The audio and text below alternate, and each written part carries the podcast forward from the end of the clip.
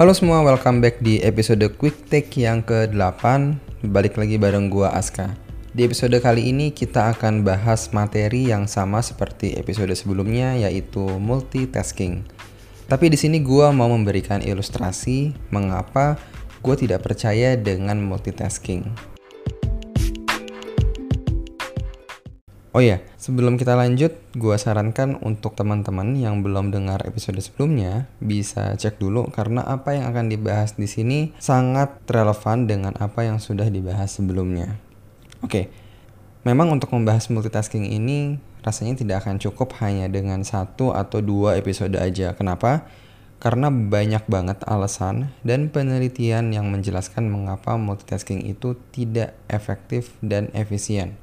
Tapi untuk di podcast kali ini, gue mau fokus pada switching cost dan fokus build up dulu.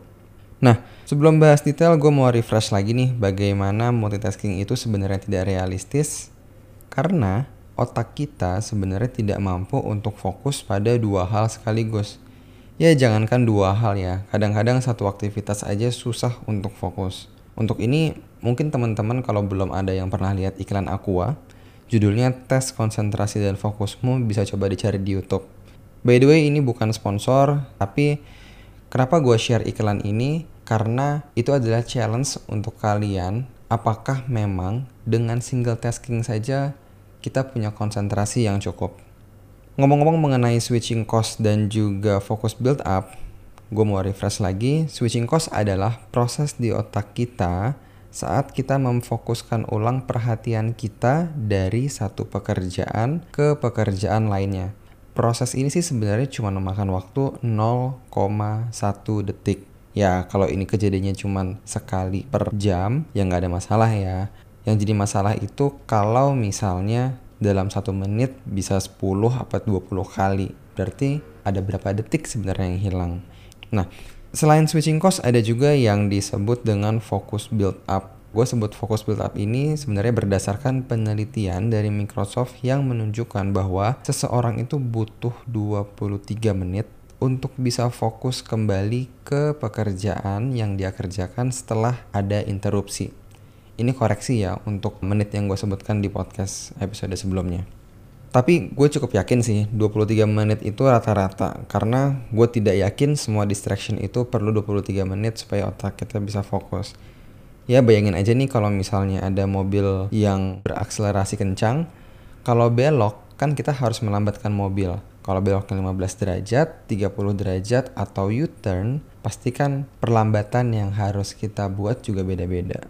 Nah, kalau teman-teman lihat di artwork podcast kali ini bisa dilihat kalau gua membandingkan antara multitasking dan single tasking. Bisa dilihat sekilas nih, kalau single tasking, well, menyelesaikan lebih banyak dibandingkan multitasking. Ada dua alasan utama sebenarnya kenapa multitasking itu tidak berjalan dengan baik. Alasan pertama dan yang paling mendasar menurut gua adalah waktu jadi kita semua tahu bahwa waktu adalah sesuatu yang tidak akan pernah bisa kembali dan akan terus berjalan. Jebakan dari multitasking ini adalah perasaan bahwa kita telah melakukan banyak hal dalam kurun waktu tertentu. Di artwork podcast kali ini pun bisa dilihat kalau single tasking baru melakukan satu hal, multitasking sudah melakukan dua hal. Tapi ini yang penting menurut gue melakukan dan menyelesaikan adalah dua hal yang berbeda. Kalau gue perhatiin ya, di dunia profesional atau dunia corporate misalnya, multitasking itu sering dijadikan excuse atau supaya kita ada alasan bahwa kita sudah bekerja atau sudah melakukan suatu pekerjaan. Tapi kapan selesainya itu beda cerita. Kemudian alasan kedua adalah ya switching cost dan fokus build up itu sendiri. Karena setiap kali kita merubah fokus kita, sebenarnya otak kita itu juga melakukan penyesuaian. Semakin banyak dan semakin tidak relevan aktivitas yang dilakukan bersama-sama, tentunya semakin tinggi switching cost dan energi yang dibutuhkan untuk fokus kembali. Alasannya balik lagi, karena otak kita tidak mampu fokus pada beberapa hal sekaligus. Nah, di artwork podcast kali ini sih gue emang cuman sedikit ya aktivitas yang dilakukan bersama-sama, paling dua. Tapi bayangin kalau misalnya kita lagi membuat laporan, kemudian sambil makan, mendengarkan webinar, sesekali membalas chat WhatsApp, kemudian juga kadang-kadang suka cek email yang masuk, kemudian ada chat yang masuk di komputer kantor, tiba-tiba ada rekan kerja kita misalnya yang datang, kemudian sesekali melihat notifikasi di Instagram dan lain sebagainya. Bandingkan dengan seseorang yang fokus untuk membuat laporan dulu sampai selesai. Nah, kira-kira mana yang lebih cepat selesai dan memiliki kualitas lebih baik tentunya. So kalau gue pribadi sih, gue lebih fokus untuk menyelesaikan dibanding mengerjakan semata. Oke, untuk teman-teman yang suka multitasking, pada tahap ini bisa jadi sudah ada argumen yang mengatakan bahwa multitasking bisa kok dilakuin. Yap, gue memang suka dengar ada orang yang punya argumen dan mengatakan bahwa dirinya bisa melakukan multitasking. Alasan pertama, jumlah pekerjaan gue terlalu banyak. Jadi mau nggak mau ya semua harus dilakuin bareng-bareng.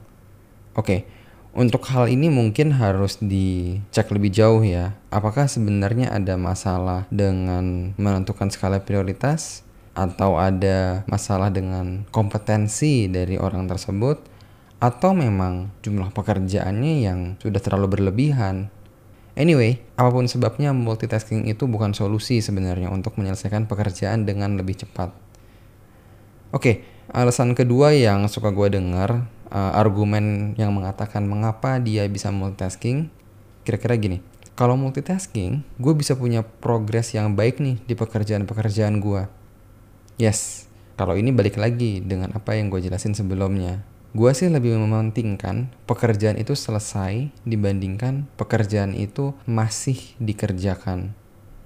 Masuk ke alasan ketiga yang suka didengar juga, selama ini gue bisa kok multitasking dan gak ada masalah kayaknya. Oke, kalau ini gue mungkin akan coba jawab dua kemungkinan ya. Kemungkinan pertama, multitasking yang dilakukan itu adalah dengan aktivitas yang tidak butuh fokus secara aktif. Misalnya kerja sambil makan, kerja sambil dengerin musik, atau misalnya olahraga sambil dengerin podcast atau dengerin webinar.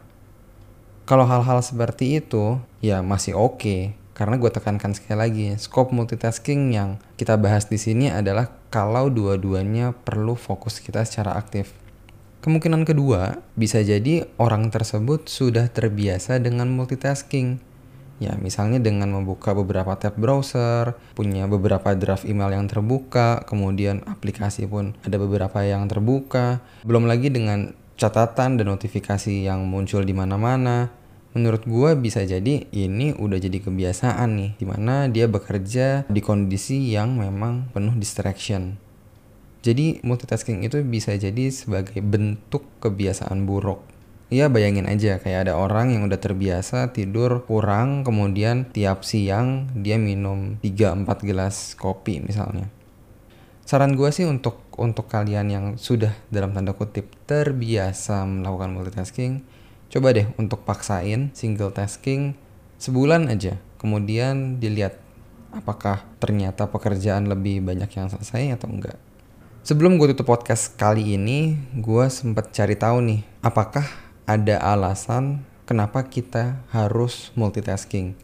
Dan ternyata susah banget buat ketemu di Google penjelasan yang mendukung bahwa multitasking itu baik.